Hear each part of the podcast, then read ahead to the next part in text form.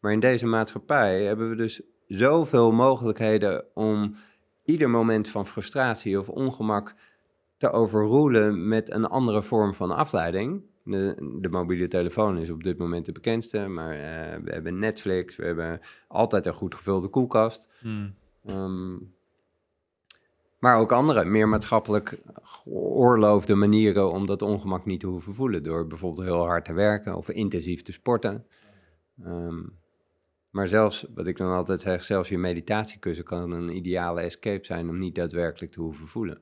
Leuk dat je weer kijkt of luistert naar deze nieuwe aflevering van de Podcast of Hope. Vandaag hebben we in de studio Dr. Jurian. We gaan het vandaag hebben over hoe het luisteren naar je ware zelf tot het echte geluk leidt.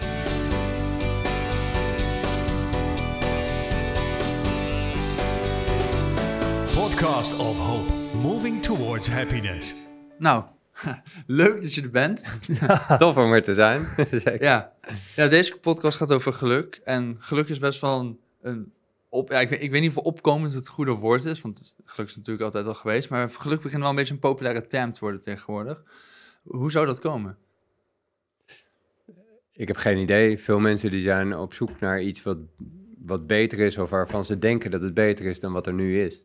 Ja, En ehm, ik denk dat, maar meteen eh, naar de kern toe te gaan, ik denk dat het wel een belangrijke reden is van ons ongeluk, dat er, dat er een grote mate van ontevredenheid is.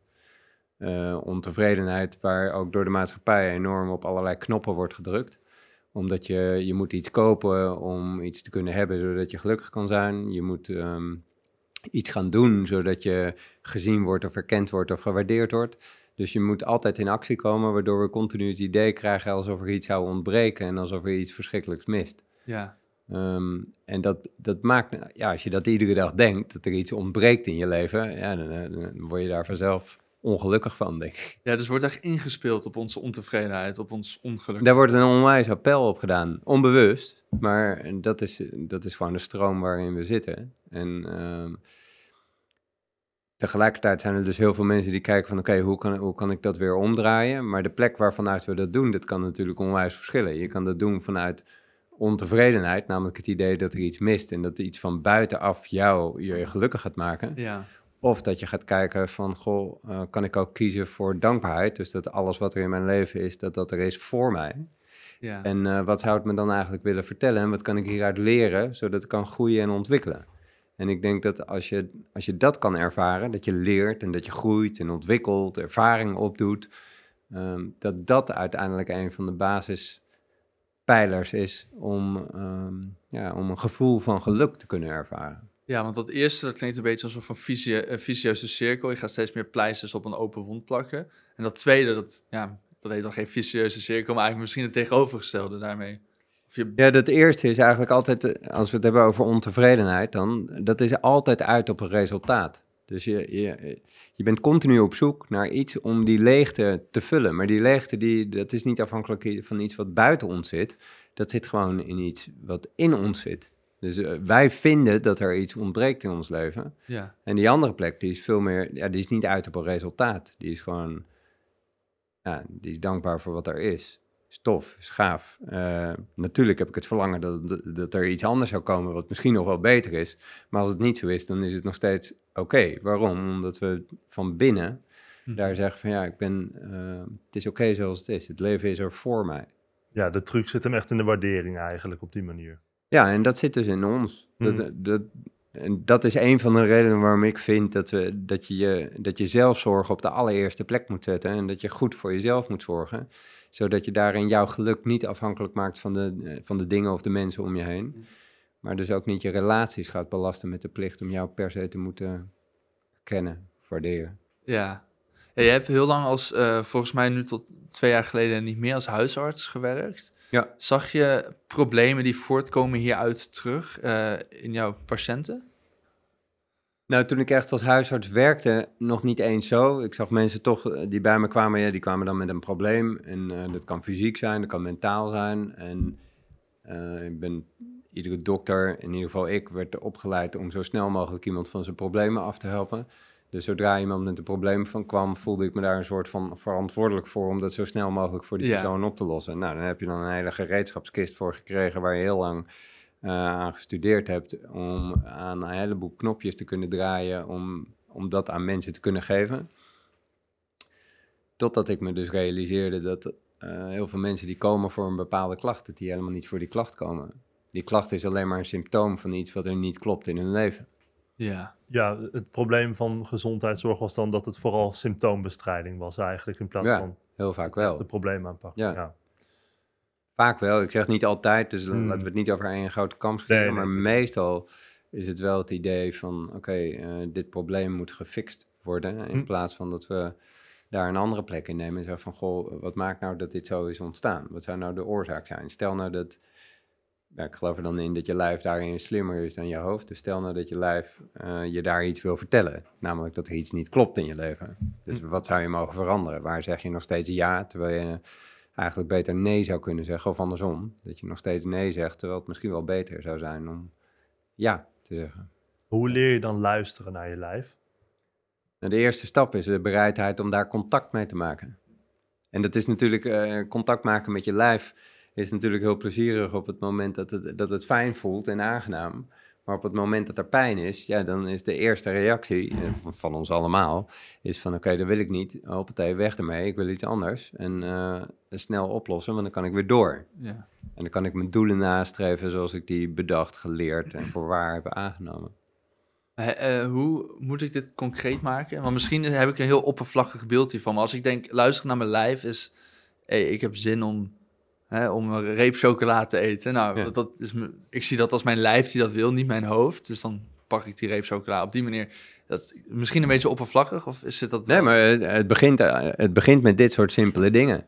Dus, ehm, en de vraag, de kunst is om daarin nieuwsgierig te zijn en te gaan onderzoeken. Dus iets, kijk, het is niet jij die zin hebt in een, in een reep chocola. Nee. Iets in jou heeft zin in een reep chocola. Ja, Het is niet wie jij bent, dat is een, dat is een stukje in jou.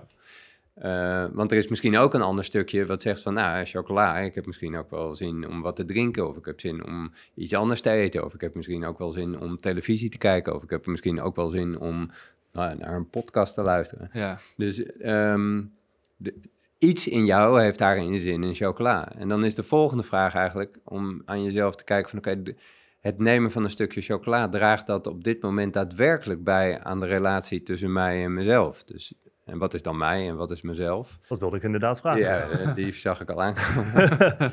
Ehm, ik, zie, ik zie de mij, in mij en mezelf, meer als de persoon die jij moest worden. Dus die je moest worden van je ouders, je opvoeders, juffen, meesters, de maatschappij. Of die je misschien wel moet worden van jezelf in de hoop dat je een, een goed en gelukkig mens zal zijn. Dus eh, meer je identiteit die je hebt aangenomen. dat is de mij. Dat is de mij. Ja. En de mijzelf, dat is dan meer de persoon die je in essentie bent. Dus zoals je geboren bent, waarin je niks hoefde te doen. Je hoefde niks te doen om je bestaansrecht te verkrijgen. Je bent ja, misschien door het geboortekanaal van je moeder zo heen wurmen. Maar dan uiteindelijk hoef je daar niks voor te doen. Nee.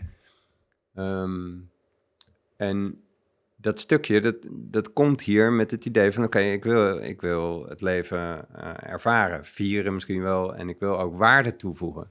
Dus ik geloof erin dat we allemaal een kostbaarheid zijn. Dus we hebben allemaal iets in ons wat waardevol is... En dat is allemaal onderdeel van een veel groter geheel. Maar dat kleine stukje in jou, jij, jij vertegenwoordigt daar een stukje van. En jij kan de meeste van jouw waarde bijdragen aan de wereld op het moment dat jij 100% jij mag zijn. Ja, dus niet 70, 80 of 90%, nee, 100% jij. Ja, En dat is de mijzelf. En de relatie tussen deze twee, dus tussen je identiteit en wat je hier daadwerkelijk komt doen, en wat goed en kloppend is voor jou, dat is waardevol om te kijken van oké, hoe is die relatie? Ga ik hier daadwerkelijk deze studie doen omdat ik dat wil? Of ga ik deze studie doen omdat me dat verteld wordt en dat ik dat moet doen en dat ik iets moet leren? Want als ik iets leer, dan kom ik op een goede plek op de maatschappelijke ladder uit en is dat de, de roadmap to succes. ja, Maar is dat daadwerkelijk wat jij ten diepste wilt? Misschien wil je wel, nou, zoals jij zei, van nou, ik ben veel met eh, muziek, eh, nou, allebei trouwens met muziek bezig. Ehm, en misschien is dat wel veel meer wat het leven met jou in petto heeft dan eh, die ene studie of die ene baan. Geen idee. ja, precies. Want er wordt volgens mij, als ik het goed heb, wel veel gemeten met... eh, ja, ik weet niet hoe dat eigenlijk, de maatstaf bevindt zich een beetje in het, in het mij dus. In het soort van, ben je succesvol? Ja. Maar je denkt dus niet na van, wil ik wel echt succesvol zijn? Zeg ik dat goed? Ja, exact. Dus eh, die, die mij die denkt van oké, ik moet van alles doen om succesvol te zijn. En als ik succesvol ben, dan heb ik een goed leven en kan ik ook gelukkig zijn. En de mijzelf, die is eigenlijk alleen maar op zoek naar ehm, een vervulling van hé, hey, maar dit is waarvoor ik hier bedoeld ben. Ja, En dat, is dus, dat zijn de momenten waarin we allemaal weten van... Wow, dat, het, dat je energie daarvan krijgt, je hart gaat sneller kloppen, je krijgt vlinders in je buik en alles in jou die zegt van... Nou, maakt me niet uit wat de rest van de wereld daarvan vindt, maar dit is wat ik ga doen. Dat moment kennen we allemaal. En we kennen ook allemaal het moment waarop onze kop dan vervolgens denkt van... Ja, maar zou dat dan niet handig zijn als ik het anders zou doen? En dan vervolgens ga je het toch maar anders doen en dan krijg je er later spijt van. ja, Ja, de- en andersom ook. Er zijn ook momenten dat we echt heel duidelijk voelen: wow, no way, dit is, dit is echt niet oké als ik dit ga doen. En dan begint ons hoofd zich ermee te bemoeien. En ja, maar het zou misschien toch wel handig zijn als we wel. En dan ga je het toch wel doen en dan krijg je daar weer spijt Ja. van. Hm. Dus, en, en dit voel je in je lijf. Als je daarop afgestemd bent, je voelt het verschil tussen de vlinders in je buik en de energie. Of dat je het idee hebt dat er eh, eh, eh, ja, een touw om je nek wordt getrokken en dat je bijna geen adem meer krijgt en dat je spanning in krijgt in je lijf en in je kop. En dat verschil, dat kunnen we waarnemen. Ja. En dat begint al bij een reep chocola. ja. Maar om, om... Oh, sorry. Nee, nee, ga je gang. Om inderdaad op dat reep chocola voorbeeld terug te komen. Is er tuss- eh, buiten mij en mezelf nog een derde component? Want ik, ik heb soms, dan heb ik het idee van ik wil wat gezonder gaan leven. En ik voel dan ook dat dat goed is. Maar dan is er daarbuiten misschien toch nog iets om dat dan zegt van... Ja, maar eet toch even die hele chocola de reep op. Ja, dat is, dat is het deel wat het liefst blijft bij, dat het blijft zoals het is. Hm. En die gaat voor kortstondig geluk. Dus, eh, zo zijn we ge- geprogrammeerd. We, hebben, we kiezen liever voor de makkelijke weg dan eh, voor de moeilijke weg. Niet iedereen en ook niet op ieder vlak. Maar in essentie willen we, het, eh, willen we ook geen risico's lopen. Ja, Ja, maar het, het lijf kan zichzelf dus wel op die manier tegenspreken, als in het kan tegelijkertijd zeggen eet de chocola, maar op een dieper niveau dan ook zeggen van hé, hey, misschien is het niet zo'n goed idee. Ja, en maar om daarbij te komen hebben we stil te staan. Ja. En daar zijn we niet meer zo goed in geworden. Zeker niet in deze maatschappij. Waarom niet? Omdat er dus... Want als je daarin stil gaat staan, dus je staat daar nou ja, eh, voor die kast, reep chocola, onwijs aantrekkelijk. En alles in jou zegt van, dat wil ik, dat wil ik, dat wil ik. En ergens in je achterhoofd hoor je ook van, ja, maar dat is eigenlijk helemaal niet goed voor mij. ja, ga jij even naar buiten, dan eet ik de reep chocola Ja. op en dan mag je daarna weer terugkomen. Dopamine. Ja, dus ehm, om daar te kijken, te onderzoeken van, goh, draagt het nou echt bij aan, me, aan de relatie tussen mij en mezelf om dat stuk chocola wel of niet te eten? Daarvoor heb je dus even te verduren en te wachten Ja.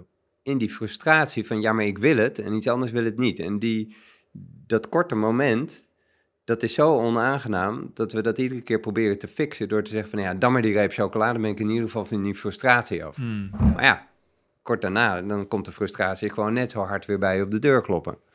En de enige manier om daar dus mee te leren dealen, is om, te, om die frustratie, om daarmee om te leren gaan, die te leren verduren. Maar in deze maatschappij hebben we dus zoveel mogelijkheden om ieder moment van frustratie of ongemak te overroelen met een andere vorm van afleiding. De, de mobiele telefoon is op dit moment de bekendste, maar eh, we hebben Netflix, we hebben altijd een goed gevulde koelkast. Hmm. Ehm, maar ook andere, meer maatschappelijk geoorloofde manieren om dat ongemak niet te hoeven voelen. Door bijvoorbeeld heel hard te werken of intensief te sporten. Ehm, maar zelfs, wat ik dan altijd zeg, zelfs je meditatiekussen kan een ideale escape zijn om niet daadwerkelijk te hoeven voelen. Ah.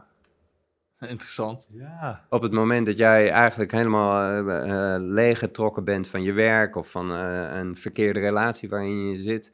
En dan eh, zeg je op maandag of dinsdagavond van nou, ik ga heel even mediteren of op mijn yogamat of wat dan ook.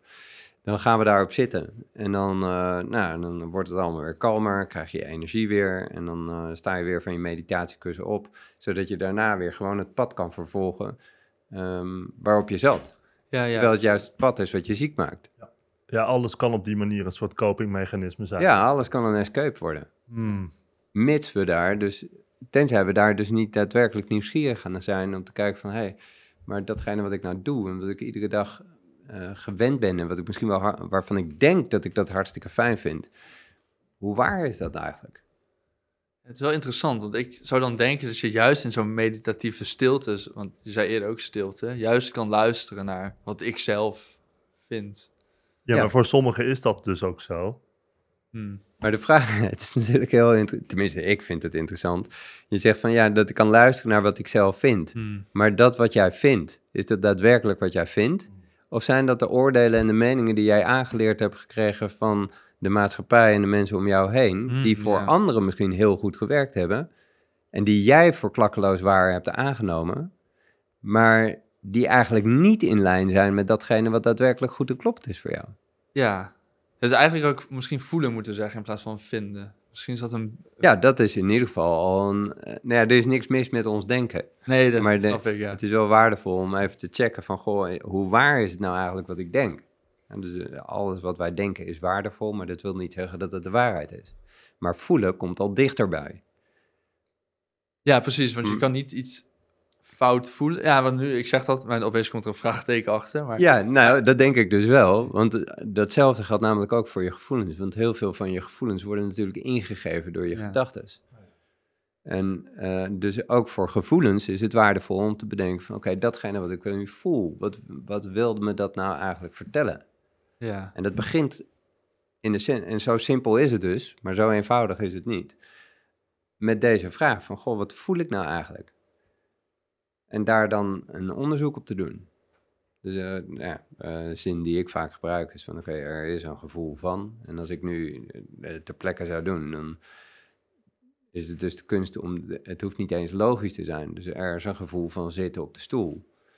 Maar als ik kijk naar het rode licht zo achter jullie, dan er is een gevoel van, en dan denk ik, nou wat nu opkomt, een ondergaande zon. Ja, weet je, dat is, dat is wat nu opkomt. Ja. En de kunst is om daar nieuwsgierig naar te zijn, want dan, dan gaat het leven als het ware via jou tot expressie komen. In plaats van dat jij wil dat het leven op een bepaalde manier gaat zoals jij vindt dat het zou moeten gaan. Maar dat is gebaseerd op wat je allemaal geleerd hebt. Ja. Dus eh, jij componeert dan. Ik kan me voorstellen, ik weet niet hoe dat is, maar bij mij gaat het zo met schilderen. Dat als je, nou laat ik het bij mezelf houden, dat als ik heel erg per se iets wil, dan wordt het vaak een soort worstelpartij. En op Ja, het moment dat ik dat er tussenuit ga en me er niet mee ga bemoeien, en dus misschien kleuren pak die voor mijn idee eigenlijk onlogisch zijn wat ik niet wil, maar ik vertrouw erop dat die flow, dat dat hetgeen is wat tot expressie wil komen, dan gebeuren er soms dingen waarvan ik never nooit had kunnen bedenken dat het zou kunnen gebeuren. Ja, Ja, dat dus is ik wel weet niet hoe dat voor jou Ik heb is. ook heel vaak dat er een, een melodie of een akkoordenprogressie in me opkomt op het moment dat ik gewoon ergens aan het wandelen ben of zo. Ja. Als ik helemaal niet mee bezig ben. Ja, dat, dat herken ik wel, ja. En ik kan me ook voorstellen dat je daar dan mee aan de slag gaat en dat je dan dat je Ja. met je kop wil proberen dat linksom of rechtsom te duwen en dat het gewoon niet werkt. En dan eh, gaat het niet meer. Nee, En vooral als je er dan nog iets bij wil verzinnen of zo, dan is het van, oh ja, dit werkt dan weer niet en dat werkt dan Nee, weer dus- Nee, klopt. Eh, een van de lastigheden, nogmaals, ons denken is super waardevol, want er komen natuurlijk ook een heleboel waardevolle gedachten Ja. op. Maar de lastigheid van ons denken, dat is ook een beetje wat met die vraag van die chocola en reep chocola. Het is heel erg gehecht aan een bepaalde vorm. Dus eh, het is heel erg gehecht aan een bepaalde structuur en datgene wat het kent en wat vertrouwd is. Mm. En de kunst is eigenlijk om die vorm die we geleerd hebben, om die los te laten, zodat er dingen plaats kunnen vinden waarin je je kunt, ja, net als een klein kind, waarin je je weer kunt laten verwonderen en verbazen voor dingen die, waarvan je niet wist dat ze er waren. Ik zie ondertussen die foto daar op de achtergrond, maar dat is net zoiets. Daar in dat, in dat sk- tourskiën, daar zitten zoveel metaforen in, want je, je weet gewoon niet waar je, je hebt ongeveer een richting waar je die dag heen gaat, maar je hebt geen idee wat je tegenkomt. En eh, juist daarin word je continu, ieder moment word je weer verbaasd door wat er gebeurt. Dat kan letterlijk in het landschap zijn, maar ook door wat er in jou gebeurt. Soms loop je echt eh, drie, vier, vijf uur, zes uur en je loopt achter elkaar, dus je bent gewoon in stilte. En ehm, ja, het is echt verbazingwekkend wat er dan plaatsvindt. Ja, dus iets als verwondering, zoals je net omschrijft, dat is iets wat gebeurt in, eh, in, in jezelf. Ja, en nou, niet ook door wat er buiten jouzelf gebeurt, maar dan is er Ja, een soort samenspel tussen jou en datgene wat er plaatsvindt. Ja, En heel vaak, om weer terug te komen op het eerste deel van het gesprek, heel vaak gaan we dus zitten vergelijken. Dus dan komt er iets in ons leven voor en dan gaat het langs Mhm. ons eigen lijstje van, ja, eh, nou ja, dit is inderdaad zoals ik vind dat het hoort. Nou, dan voelen we ons blij. En op een ander moment denken we, ja, maar dat is niet zoals ik het zou willen. Dus eh, ja, nu mist er iets of ontbreekt er iets. Ja, en dan voelen we ons natuurlijk shit en, eh, nou, misschien wel ongelukkig. ja voor als je zegt, dit is niet hoe het hoort. Dat is letterlijk iets wat dus je is aangepraat hoe het zou moeten horen. Ja, hoe jij vindt dat het zou moeten zijn. Ja. Dat is wel gek, dat we dus eigenlijk in ons zitten... Ja, dus, hè, dus, nee, niet jezelf, maar mij zit er dus. Dus het is mijn hoofd. Ja, ik, ik doe nu mijn hoofd. Ik weet als we over iets van denken hebben, dan heb ik het over mijn hoofd. Ja. Eh, ja, wat ons eigenlijk weghaalt van geluk, als we er niet voorzichtig mee zijn. Ja, dat is een, eh, dat is een, eh, een concrete uitspraak, maar volgens mij zit daar veel, eh, veel waarheid in. Ja, Dat het vooral ons hoofd is en ons denken wat ons bij in ieder geval de mogelijkheid tot geluk vandaan haalt. Waarom doet het dat? Dan ja Eh, dan, dan zou je de creator daarvan... Ja, dat is ook zo, ja. Het, al, het, hetgeen wat vaak genoemd wordt, eh, of enorm cliché, maar wel waar, is dat we natuurlijk heel erg gericht zijn op veiligheid. Gewoon op survival, overleven. ja. En ehm, als je vanuit, vanuit dat perspectief kijkt, dan ben je erbij gebaat dat het, dat het helemaal blijft zoals het is. Want als het blijft zoals het is, daarin weet je in ieder geval dat je overleeft. Want eh, ja, je, je valt Ja. nu niet dood neer. Ehm, dus het meest angstaanjagende vanuit die plek is dat je gaat veranderen. Hmm. Dus eh, als het meest angstaanjagende is dat jij gaat veranderen, dan is de beste dag om te veranderen altijd morgen. ja, Dus we willen niet veranderen. Maar dat doen we vanuit het idee dat als we nou maar blijven staan op de plek waar we nu staan, dat we dan geen risico zouden lopen. Maar dat is natuurlijk onzin. Want ook in deze situatie, die waarvan jij denkt dat het veilig is, zal het noodlot vroeg of laat bij je op de deur kloppen. ja, En dan is het waar, in mijn optiek kan je dan maar beter ja, voorbereid zijn. En dat je niet gaat denken van, nou ja, het zal wel meevallen. En iedere keer als, eh, als de realiteit even zo bij je op de deur klopt, dan doe je net alsof het er niet is. En je wendt je hoofd af en je wordt er blind voor.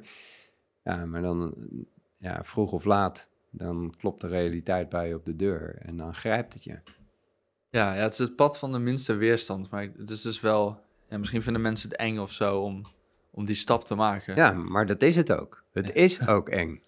Dus, als we het hebben over in contact komen met je lijf, dan is het dus waardevol om, je, om contact te maken met die gevoelens die het eng en spannend vinden.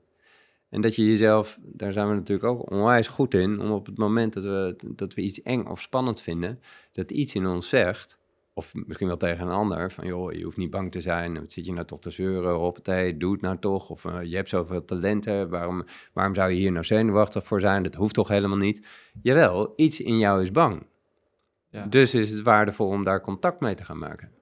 Ja, hetgeen wat je het meest zoekt ligt op de plek waar je het minst graag wil komen eigenlijk.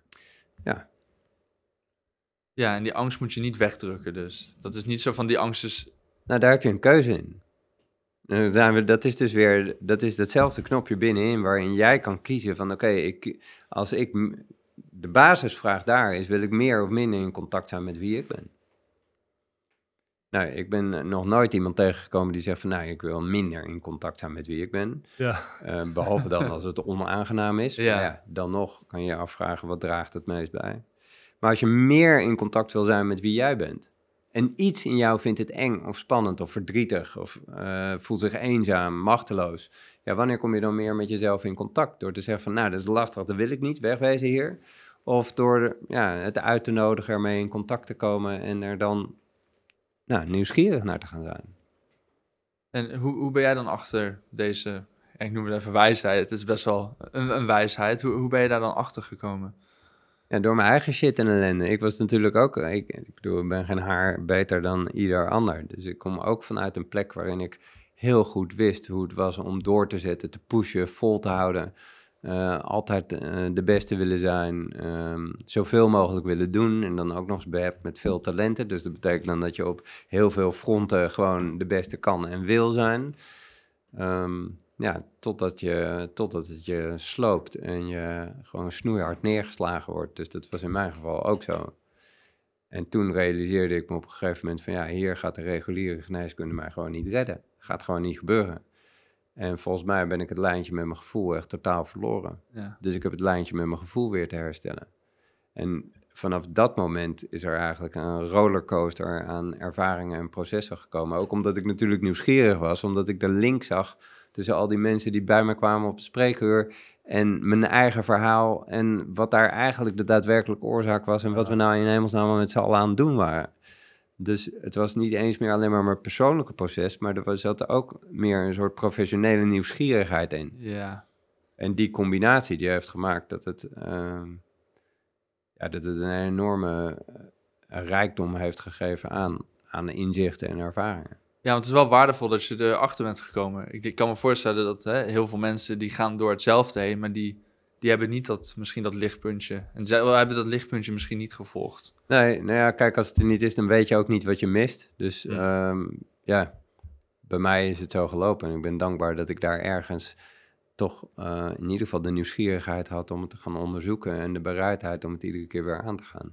Want was het jouw lichaam zelf die zei van... hé, hey, het is het lijntje met je gevoel die je mist?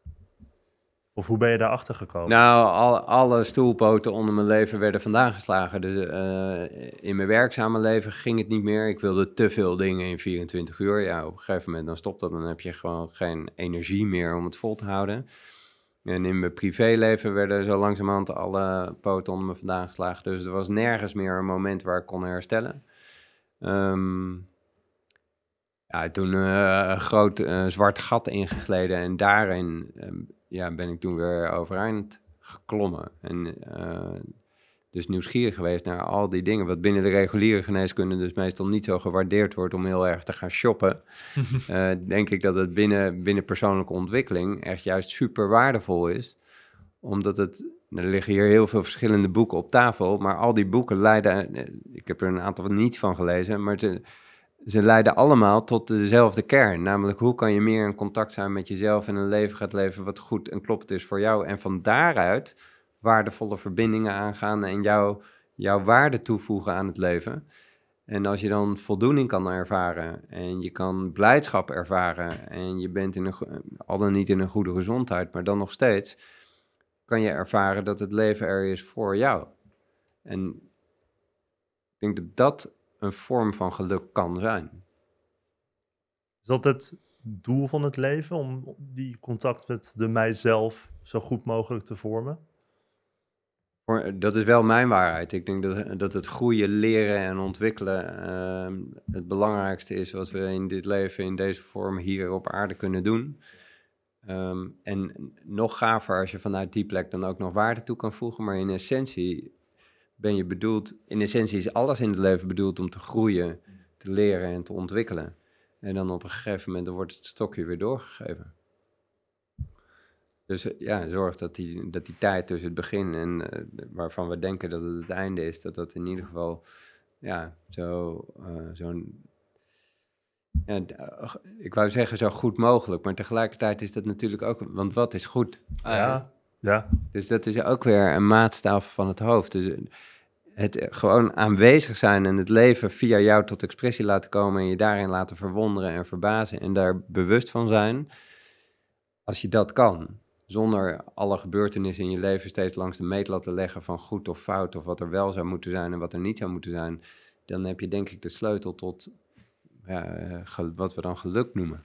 Dat is wel interessant als je dat zegt. Het is, het is misschien ook wel een soort van slippery slope. Van je wil gelukkig worden, maar het moet ook weer niet een of andere race worden of zo. Van kijk mij nou eens gelukkig zijn. Ja. ik wil gelukkiger zijn dan, dan jou. Ja, precies. Want dan, dan komt het nooit natuurlijk lukken, meneer? Dan komt natuurlijk dat, dat stukje ontevredenheid komt dan gewoon via de achterdeur weer naar binnen. Ja, En dan kan je dus eh, vol bewustzijn in het leven staan. Misschien heel erg spiritueel zijn. Maar dan, dan nog gaat je, ga je jezelf ermee lopen bemoeien. ja. Maar in essentie ontbreekt er natuurlijk niks. Er, er mist niks. Want op het moment dat jij komt, dan wordt het leven aan jou gegeven. In essentie wordt er alleen maar aan jou, worden er alleen maar dingen aan jou gegeven.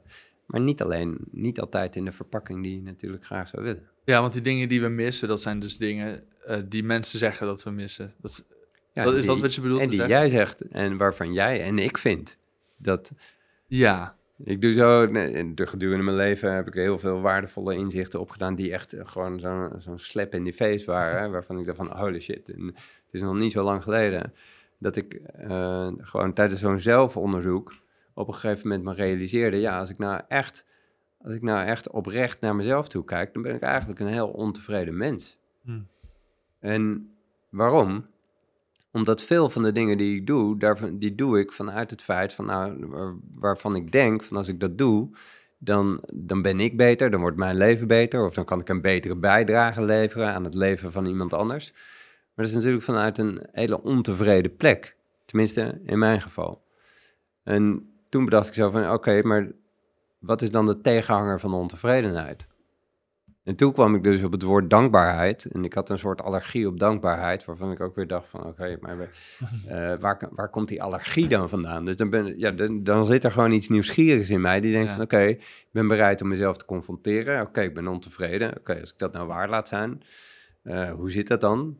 Oké, eh, tegenhanger dankbaarheid, maar wow, ik heb echt een allergie op dankbaarheid. Maar dat woord is natuurlijk onwijs verkracht in deze maatschappij. Dat, dat gebeurt al op het moment dat je een Ja. klein jongetje bent en je staat met je opa of je oma bij de slager en je krijgt een stukje vlees, waar we sowieso al onze vraagtekens bij kunnen zetten. Maar in ieder geval, je krijgt een stukje vlees en dan word jij geacht om dankjewel te zeggen. Ja. Terwijl je dat misschien helemaal niet zo voelt. Dus daar, daar begint al het moment waarop jij ehm, je oprechte dankbaarheid, je oprechtheid, eh, ja, saboteert. Dus je gaat je gedragen en aanpassen Ja, naar de wensen en de ideeën van anderen. Dus dat was in ieder geval hoe het bij mij werkte, waarom ik... Er wordt heel vaak gesproken over dankbaarheid. En dan heb ik zoiets van, ja, dankbaarheid, eh, weet je, ehm, het is gewoon zoals het is. Maar als ik het leg tegenover ontevredenheid, dan, dan kunnen we dus echt kiezen voor dankbaarheid.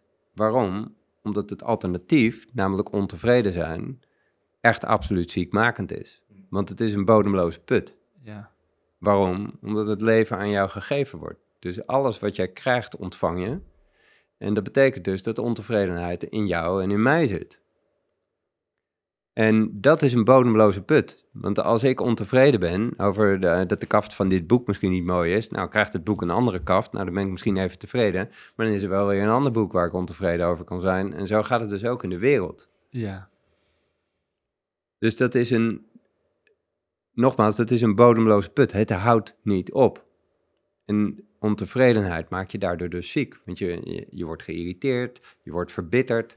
ehm, je denkt dat er iets ontbreekt in je leven, dus dat maakt je ongelukkig. En dan is dankbaarheid, de tegenhanger daarvan, is dus een absolute noodzaak om goed voor jezelf te zorgen.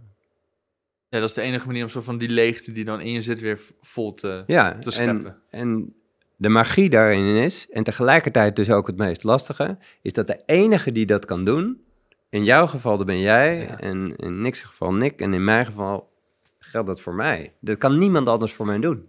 Ja. En staat je dat ook, is dat ook de bedoeling dat je dat gaat doen? Je zei volgens mij eerder van, ja, onwetendheid, dat als je er geen, niet bewust van bent, dan is het ook prima. Is het niet, maar, je, Ja, nou ja, maar het is ook zo toch dat, dat daar juist die complicaties vandaan komen, toch? Waar je het over had in, ja, als huisarts.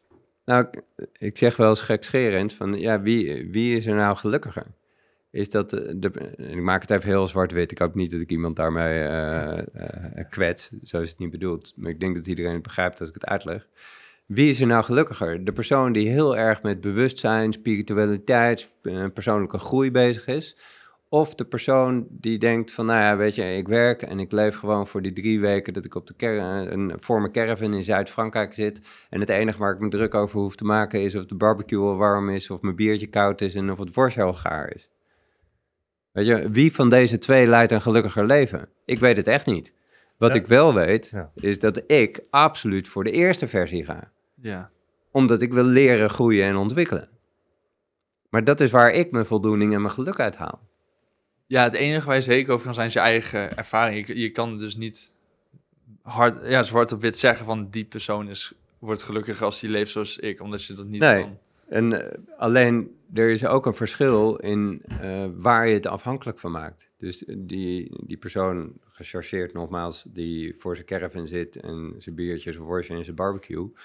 Eh, en wie er misschien voetbal speelt, ehm, die maakt zijn geluk wel heel erg afhankelijk van de externe factoren. Want stel nou dat het slecht weer is, of stel nou dat hij onderweg een ongeluk krijgt en zijn, en zijn caravan is aan het diggelen. Weet je, wat blijft er dan nog over van zijn voorwaarden voor geluk? Hmm. Terwijl als je werkt aan je persoonlijke groei, je binnenwereld en dat je een stevig fundament creëert waar je steeds weer op terug kunt vallen, ja, dan kan dus, dan zou het zo kunnen zijn dat alles je ontnomen wordt, maar dat je dat nog steeds kan zien vanuit een plek van, oké, stel nou, dat, super onredelijk, maar stel nou dat dat er is voor mij.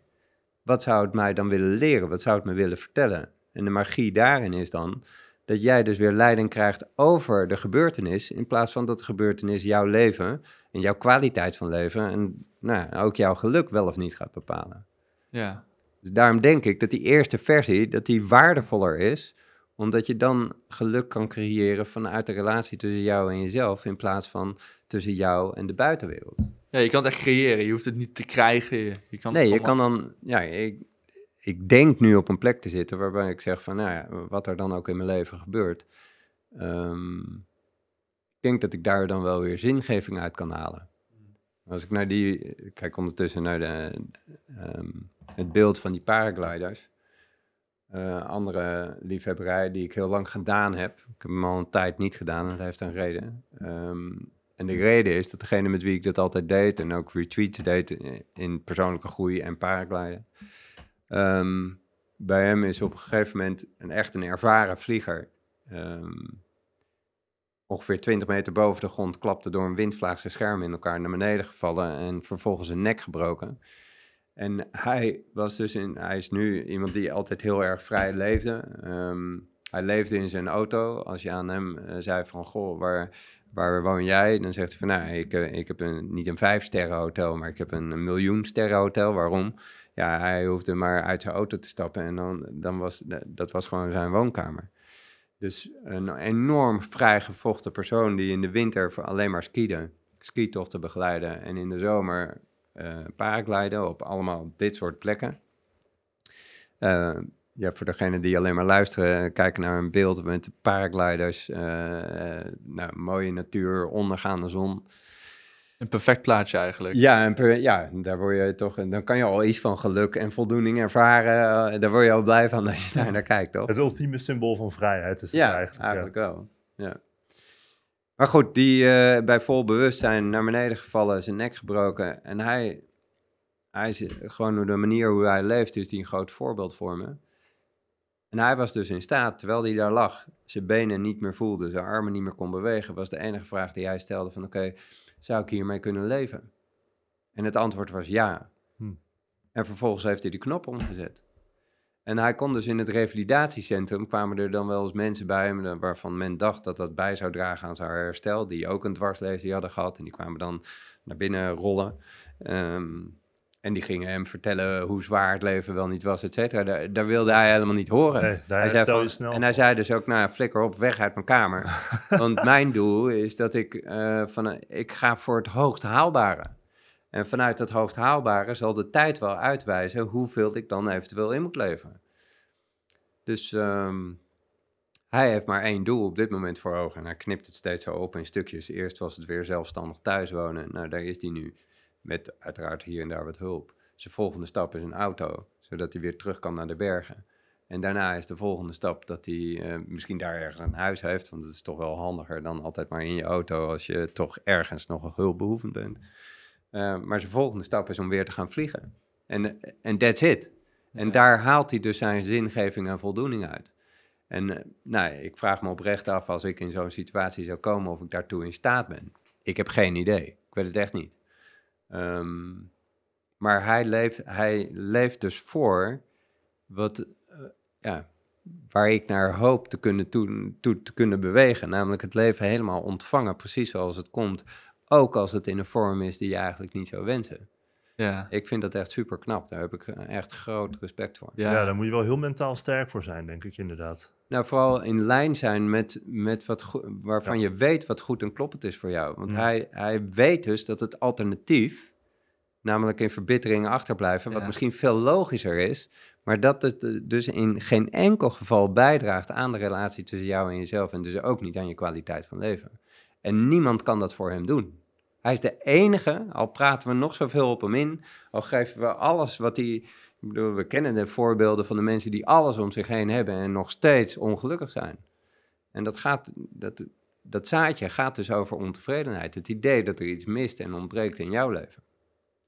Dus wat je situatie ook is, val nooit terug in die verbittering eigenlijk. Dat is de truc. Ja, en als je daarin terugvalt, je bent een mens, dus eh, shit happens, je Ja, neemt af en toe een verkeerde afslag. Ja. Eh, dat je daar dan nieuwsgierig gaat zijn. Niet wegdrukken van oké, dit mag ik niet zijn, maar hey, iets in mij is verbitterd.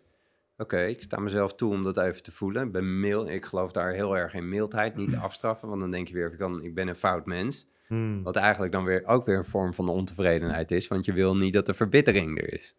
Maar de verbittering die is er. Dus oké, iets in mij is verbitterd. Nou, en dat je daar aandacht aan geeft. En dan vanuit die mildheid gewoon weer bijstuurt. Want die verbittering die heeft ook maar één doel. Want die wil niks liever dan dat het beter gaat met jou. Alleen de vorm waarin dat plaatsvindt is gewoon super onhandig. Ja, ja, ja, ja, precies. Maar ik kan me ook wel voorstellen dat die verbittering wel voor verbetering van je omstandigheden kan zorgen. Oh, absoluut. Maar ontevredenheid kan natuurlijk een onwijs goede drijfveer zijn om dingen gedaan te krijgen. Ja, toch? Ja, toch? Lijkt me bedoel, wel. Waarom heb jij eh, je voortgezet onderwijs gehaald? Dat is toch ook eh, niet alleen maar dankbaarheid. Het is ook van, verdomme, oké, ik wil een goed cijfer. Mm. Ja. stampen, Eh, ja. Dat doen we al. Dus dat kan een onwijs krachtige drijfveer zijn om dingen gedaan te krijgen. Alleen, het put je uit. Je gaat eraan kapot als je dat lang genoeg volhoudt, omdat die, de plek waar vanuit we dat doen, is vanuit een plek van ontevredenheid. En het idee dat als ik, eh, dit voorbeeld, als ik nou maar mijn diploma haal, dan kom ik zo meteen uit op een betere plek. Dan kan ik studeren, krijg ik een gave baan, krijg ik een goede plek op de maatschappelijke ladder en word ik misschien wel gelukkig. Maar dit is een bodemloze put. Want die, dat. ehm, ja. Je moet gewoon niet in dat gevoel blijven. Nee, dus je kan wel een verlangen hebben van gaaf als ik dit zou halen. Gaaf als ik een diploma heb en er is niks mis met een mooi huis. Er is niks mis met een gave auto. De vraag is alleen wie heeft leiding over wie? Hmm. Heb jij nog leiding over jouw woning? Of heeft jouw woning stiekem leiding gekregen over jou? En dat je keuzes gaat maken uit angst om iets te verliezen in plaats van uit een verlangen. En heel vaak ehm, zijn het de externe dingen, ons werk, onze status, onze identiteit, onze partner, onze kinderen, die eigenlijk leiding hebben gekregen over ons. En dat we daar dus keuzes maken, omdat we graag in verbinding willen blijven met al die dingen, al die dingen behouden we, willen blijven behouden. En maken we keuzes uit angst om dat te verliezen, in plaats van dat we de keuzes maken die daadwerkelijk goed en kloppend zijn voor ons. Dus in praktische zin, eh, ik check wel regelmatig bij mezelf in om even te kijken van, goh, zou ik bereid zijn om ergens de stekker uit te trekken? Ben ik bereid om de stekker uit ons bedrijf te trekken? Zou dat, eh, ja, dat zou natuurlijk verschrikkelijk verdrietig en eh, irritant en vervelend en leeg en machteloos zijn. Maar tegelijkertijd voel ik ook van, oké, als dat noodzakelijk is om in lijn met mezelf te blijven, ja, dan so be it. Maar dan gaat die stekker eruit. Dus ja. Het is niet zo dat mijn, ik weet hoe het voelt, hoe mijn bedrijf leidingen kan hebben over mij met de huisartsenpraktijk. Eh, ja, never, nooit meer dat ik die kant op wil. Hm. Gebeurt het wel eens dat mijn bedrijf, ja zeker, dat ik dacht dingen doe of dat we dingen bedacht hebben die heel veel tijd en aandacht zorgen en dat we eh, toch willen dat dat slaagt en dan krijgt het bedrijf dus een stukje leiding over mij. Maar ze, doordat ik daarop re- regelmatig even check van, goh, hoe sta ik ervoor? Dan ben ik beter in staat om weer heel snel bij te sturen. Zodat het geen werken gaat worden. Als het werken wordt, dan moeten we ermee stoppen. Ja, precies. Nou, we zijn een beetje aan het eind van de aflevering gekomen. Ik vra- we vragen altijd gasten om een voorwerp mee te nemen. Ik weet niet of je een voorwerp mee hebt. Ja, ik had het niet. Ik zat er in de auto aan te denken, maar het zit niet zo heel, heel ver bij mij vandaan. Dus Oké. eh, en eh, dat, dat is eigenlijk een, een armbandje. En dat armbandje, dat heb ik aangeschaft naar aanleiding, heel lang geleden. Dat was een familieopstelling. En in die familieopstelling, eh nou, ging over de situatie tussen mij en mijn vader. En nou, lang verhaal kort, ik mocht ook ontvangen. En eh, dat was echt een, iets wat in mijn woordenboek eigenlijk niet voorkwam. Dat ik mocht ontvangen. Ehm, tenzij ik er iets voor gedaan had. En dus als ik maar knetterhard genoeg mijn best had gedaan, dan mocht ik ook iets krijgen. Dus, maar nee, ik mocht mijn eigen plek innemen en ik mocht meer ontvangen. En toen zei degene die dat begeleidde, die zei, soms kan het helpen om jezelf een talisman te geven. Dus een voorwerp wat metafoor staat voor het je blijven herinneren aan, de, aan dit inzicht en ehm, deze waarde. Dus toen heb ik een armbandje gekocht en aan de hand daarvan, dat herinnert me iedere keer weer aan deze waarde. Ja. En ehm, het grappige is dat terwijl ik dit vertel, eh, krijgt het steeds weer een diepere laag. Omdat eh, datzelfde thema is niet zo gek lang geleden weer voorbij gekomen, maar op een totaal andere manier. Dus het jezelf op de eerste plek zetten, het mogen ontvangen, het leven ontvangen precies zoals het je gegeven wordt. Dat is iets waarvan ik denk dat het waardevol is om ons daar steeds weer aan te blijven herinneren. Ja, en je hebt heel veel Mooi. symbolische waarde aan dat armbandje gegeven. En dat blijft steeds, dat blijft erin en wordt steeds groter. Dus, dus nieuwe ervaringen voegen, worden daar weer in toegevoegd. of zo. En tegelijk, de- inmiddels ben ik niet meer afhankelijk. Ik- Weet je, als ik het zou verliezen, ja, jammer. Het zit, het zit daar niet meer in. Nee. Maar het is, een, eh, het is wel een symbool wat bijgedragen heeft aan eh, mijn geluk. Ja, mooi. Als allerlaatste vraag, vraag wat onze gast een tip te geven voor iedereen die luistert. Eh, waar ze gelukkig van kunnen worden, inspiratie uit kunnen halen, dat maakt niet uit. Ehm, Oké, wat nu in me opkomt. eh, de oplossing zit echt nooit, maar dan ook echt nooit in gas geven. Als je een probleem tegenkomt in je leven, alles uit je handen laten vallen, tien stappen achteruit, op je kont gaan zitten, ogen dicht, voelen, voelen, voelen en eventueel onderzoeken. En als je dat lastig vindt, laat je daarbij begeleiden. Een waardevolle tip. Ja, duidelijk. Dan Ja. wil ik je heel erg bedanken. Ja, leuk Ja, dat je jullie bedankt. Mooi gesprek, dankjewel. Bedankt voor het kijken of luisteren naar deze aflevering van de Podcast of Hoop. We hopen dat je ervan hebt genoten of misschien wel geïnspireerd door bent geraakt. Iedere zondag om 10 uur komt er een nieuwe aflevering online op YouTube, Spotify en op al je andere favoriete podcast-apps. Ook kun je ons vinden op www.podcastofhoop.nl. Tot ziens en veel geluk. De wereld waarin we leven biedt nog geen gelijke kansen. Voldoende eten en drinken. Een adequate opleiding. Goede gezondheidszorg.